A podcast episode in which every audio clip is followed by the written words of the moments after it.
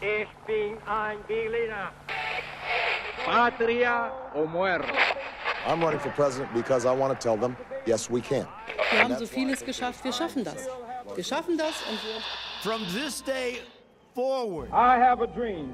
it's going to be one day- only America first. This nation will rise up, America first. live out the true meaning of its creed. Welkom in de podcast Internationale Politiek.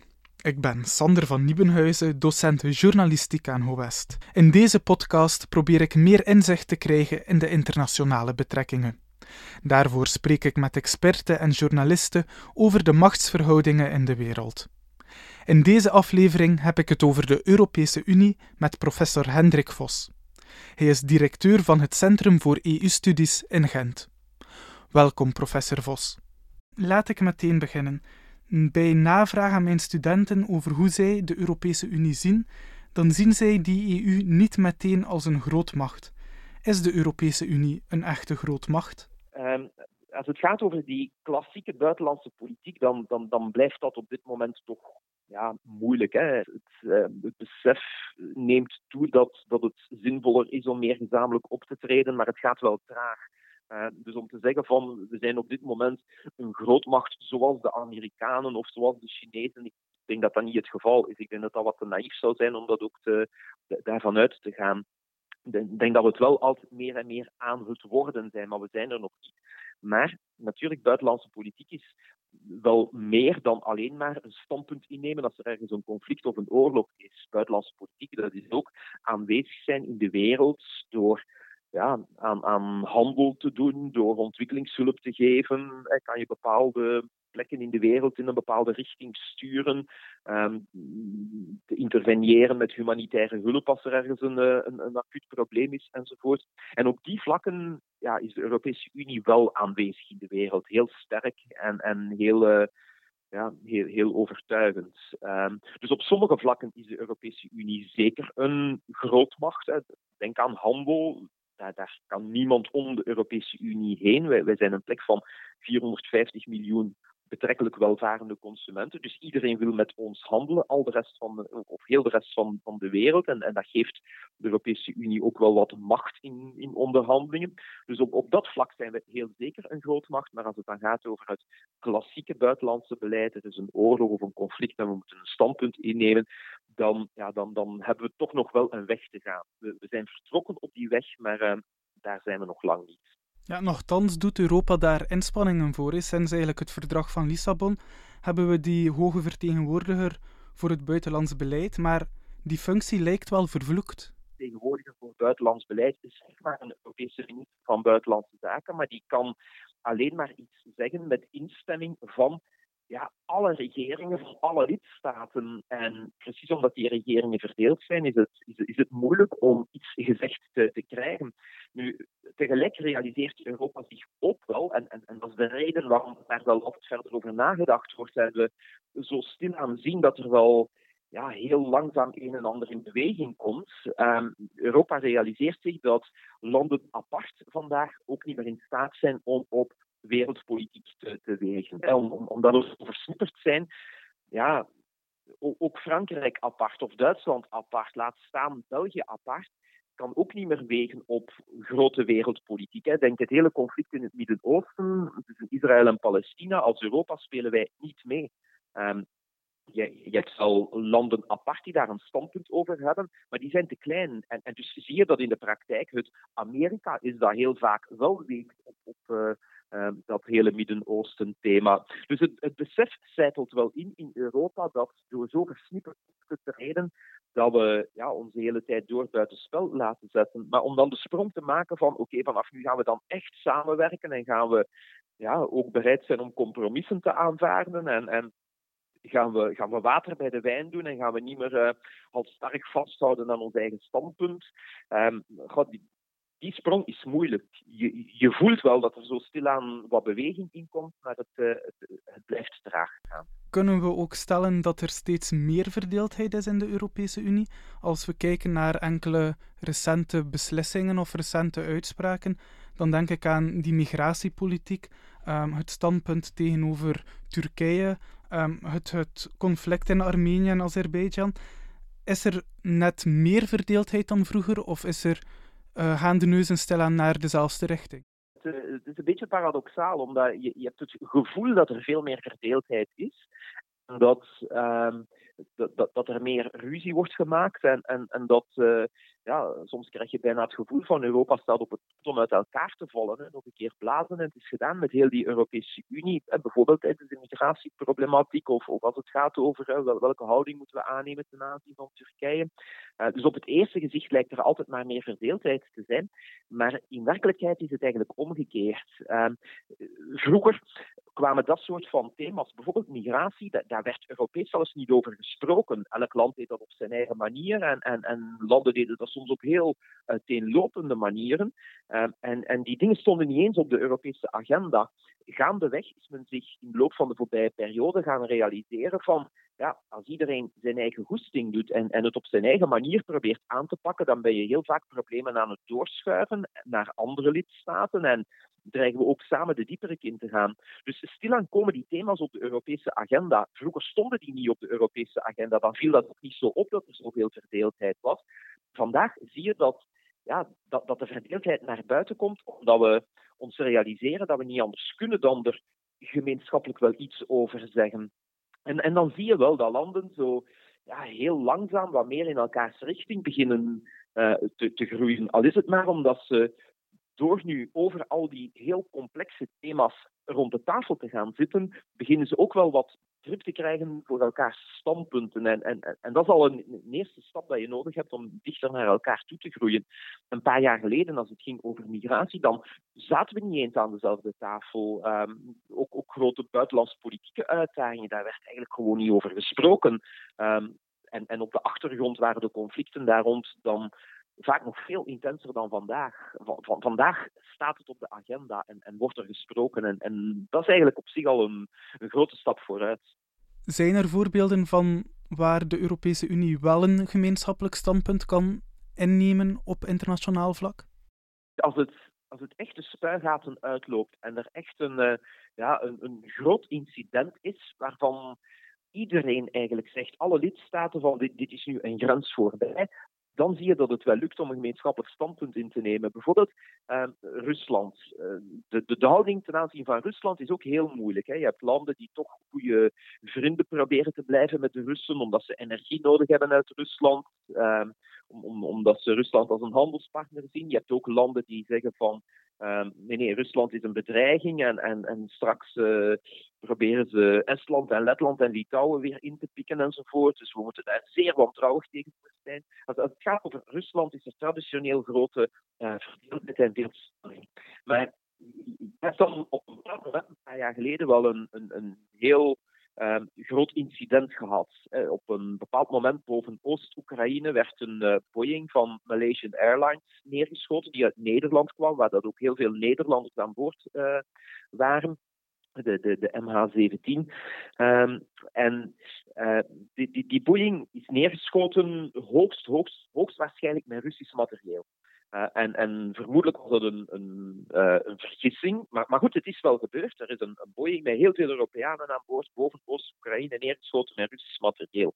En toen was algemeen in Europa wel de teneur van dit, dit, dit gaat te ver. Uh, en of dat we nu op andere vlakken nog relaties met Rusland willen onderhouden of niet, dit moeten we nu even opzij zetten om toch een gemeenschappelijk signaal te geven. En dat is er toen gekomen. Er zijn sancties getroffen ten aanzien van Rusland op dat moment, die die, die eigenlijk best wel, wel, wel wat om het lijf hadden en die de Russen ook pijn deden. En een bewijs daarvan is dat de Russen op dat moment onmiddellijk tegensancties genomen hebben. Net omdat ze geraakt waren door de sancties die Europa genomen had. Die, die, die tegensancties, dat, dat bij ons ook in het nieuws. Dat was bijvoorbeeld dat uh, peren uit Haspengouw niet meer in, in, Rusland konden worden ingevoerd. Maar, maar dat alleen al illustreert dat Europa op bepaalde momenten er wel in slaagt om ja, betrekkelijk straffe sancties te nemen. Namelijk ja, op, op die momenten dat men echt voelt van nu is er een rode lijn overschreden en, en, en nu moeten we wel samen optreden. Um, en, en dat zijn dingen die tien jaar geleden ondenkbaar waren. Dus ook, ook aan dat soort zaken zie je dat er geleidelijk aan wel ja, wel, wel meer gemeenschappelijke actie komt. Maar opnieuw, het gaat nog altijd moeizaam en, en ehm, het, het moet echt al, al heel hard de spuigaten uitlopen voordat we straffe sancties nemen. Zijn de relaties met Turkije daar dan ook een voorbeeld van?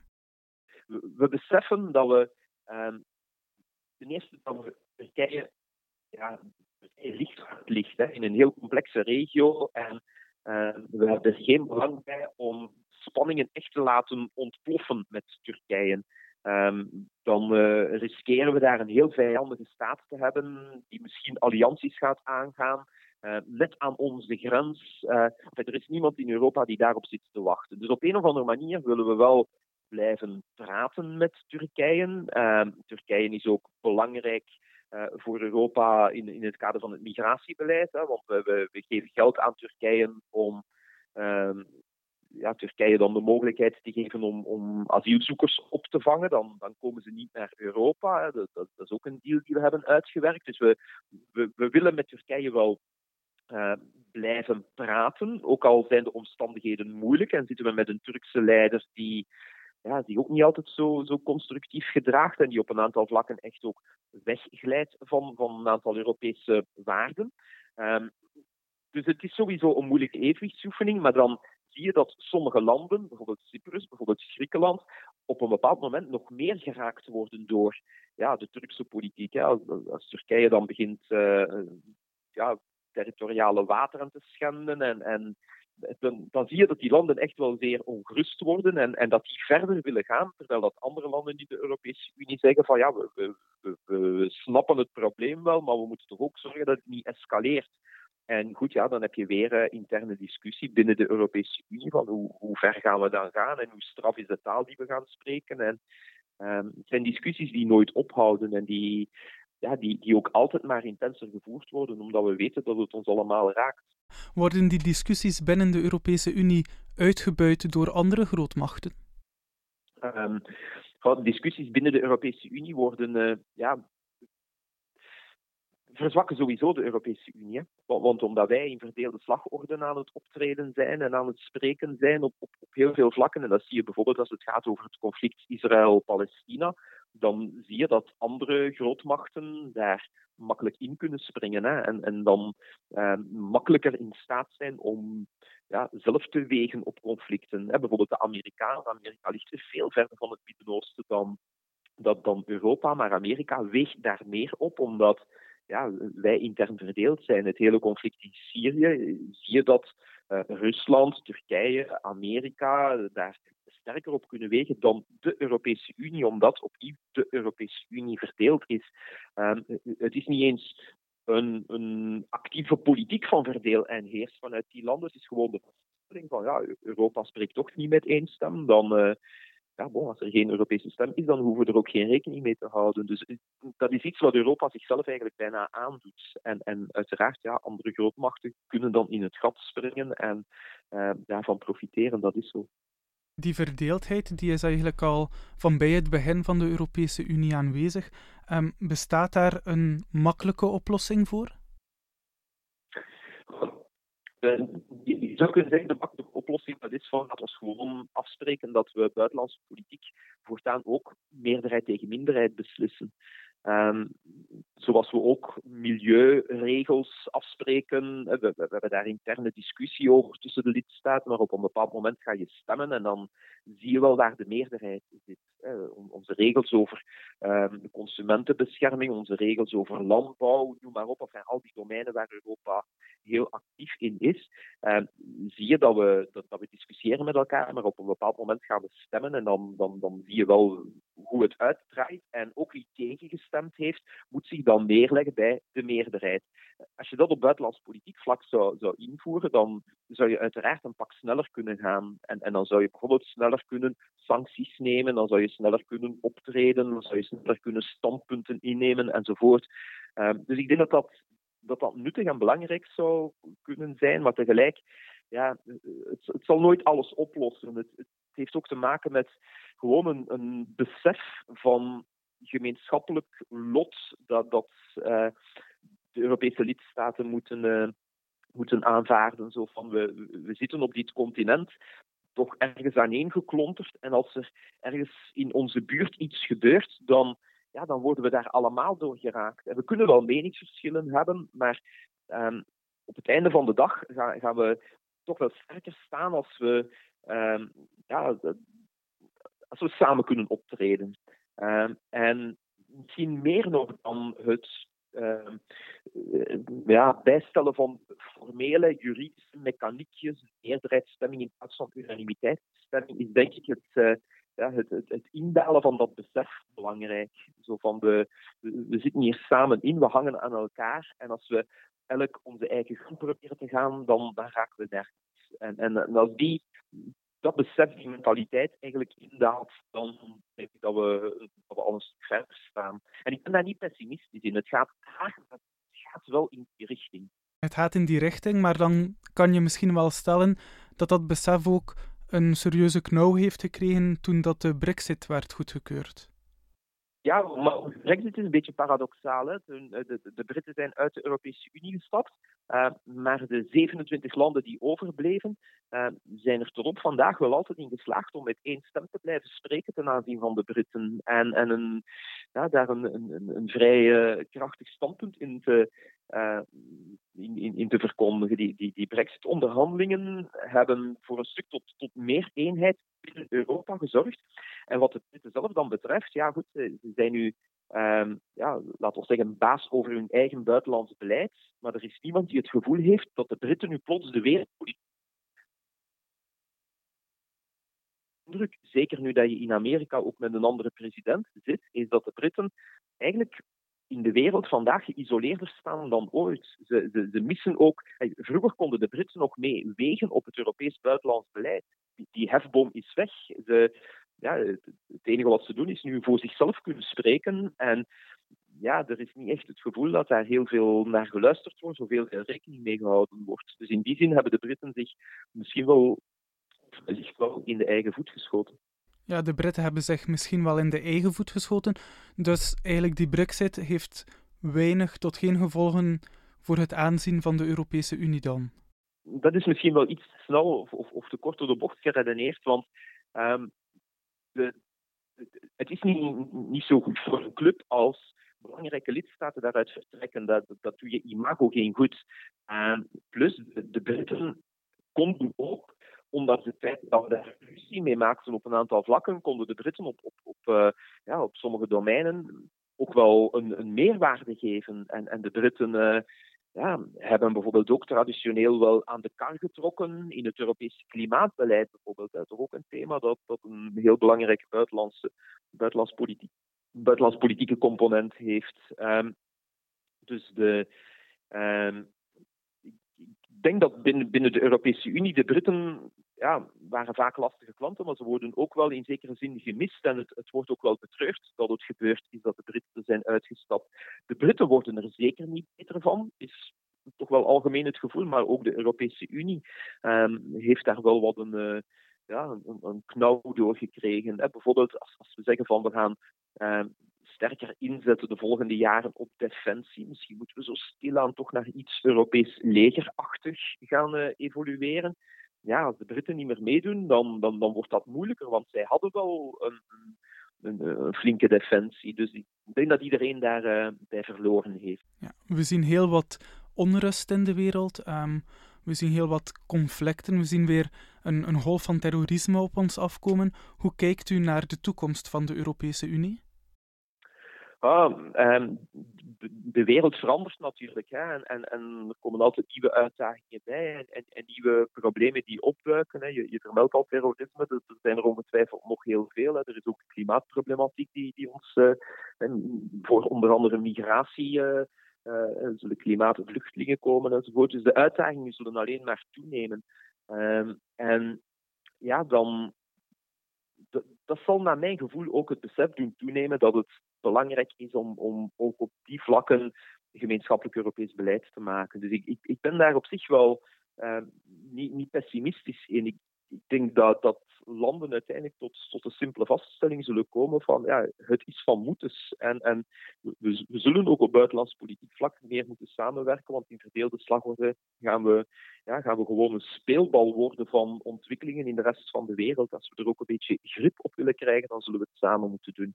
Um, en, en ik denk dat in, in, in heel veel ja, in hoofden van diplomaten dat, dat, dat stilaan al wel is, is ingedaald, dat besef. En, en uh, ja, goed, dan, dan is het aan de politiek die zal moeten volgen. Hè. Die binnenlandse politiek van de lidstaten die is dan ook heel divers. Dan denk ik maar aan de Wir schaffen das uitspraak van Angela Merkel uit Duitsland. Maar dan tegelijkertijd bouwt Hongarije onder um, Orbán een muur om net vluchtelingen buiten te houden. Ja, het, is vaak die binnenlandse politiek die, die maakt dat het moeilijk is. Hè. In sommige landen heb je partijen die, uh, uh, ja, die soms een heel eurosceptisch standpunt innemen en, en die uh, daar kiezers mee halen.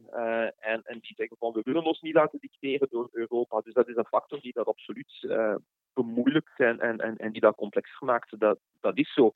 maar opnieuw, op het einde van de dag zie je dat ook die landen en, en, en partijen en regeringen in die landen die vaak die heel eurosceptische kaart getrokken hebben, dat ook zij zich wel realiseren dat er finaal toch niet veel anders op zit dan, dan meer samen te werken. En, um, maar, maar, maar, je, hebt gelijk, hè, van, dit maakt dat het soms traag en moeizaam gaat. Dat is zo zeker en vast. We zien de Europese Unie vaak als een ploeterende politieke machine. Um, zal dat nog lang zo blijven duren? Waar ziet u de Europese Unie staan binnen een jaar of tien bijvoorbeeld? Ik, ik, ik, denk dat er meer zaken Europees zullen aangepakt worden. Het zal niet gaan met grote sprongen, het zal vaak al ploeterend gaan en, in moeilijke omstandigheden aangedreven door crisissen.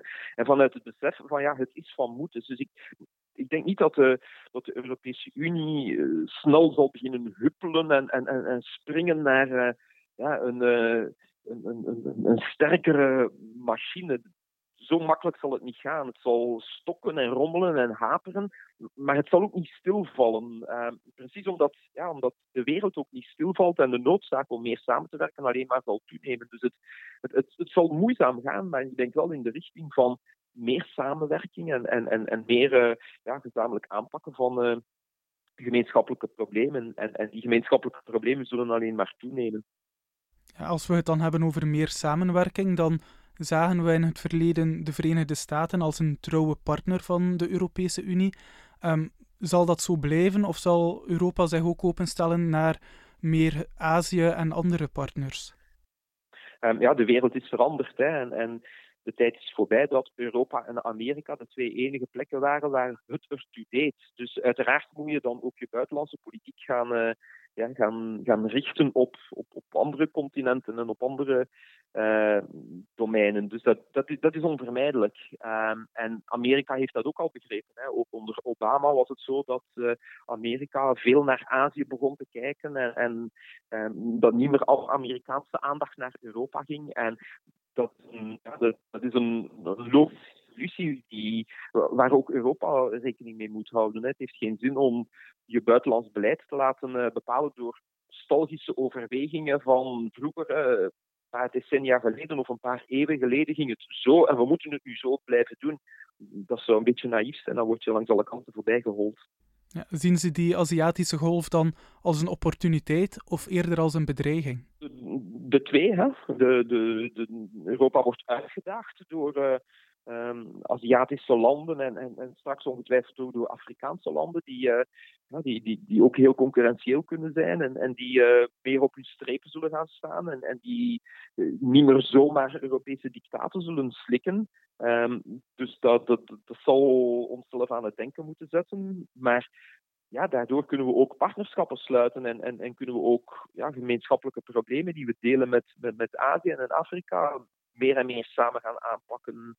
Dus ik denk dat het, uh, het is gewoon een realiteit en, en um, de manier waarop je ermee omgaat, dat, ja, dat, dat, zal politiek bepaald moeten worden en daar kan je wel een aantal kanten mee uit. En, en hoef je niet per se als een uh, bedreiging te zien, waar je alleen maar in een egelstelling op kan, kan reageren.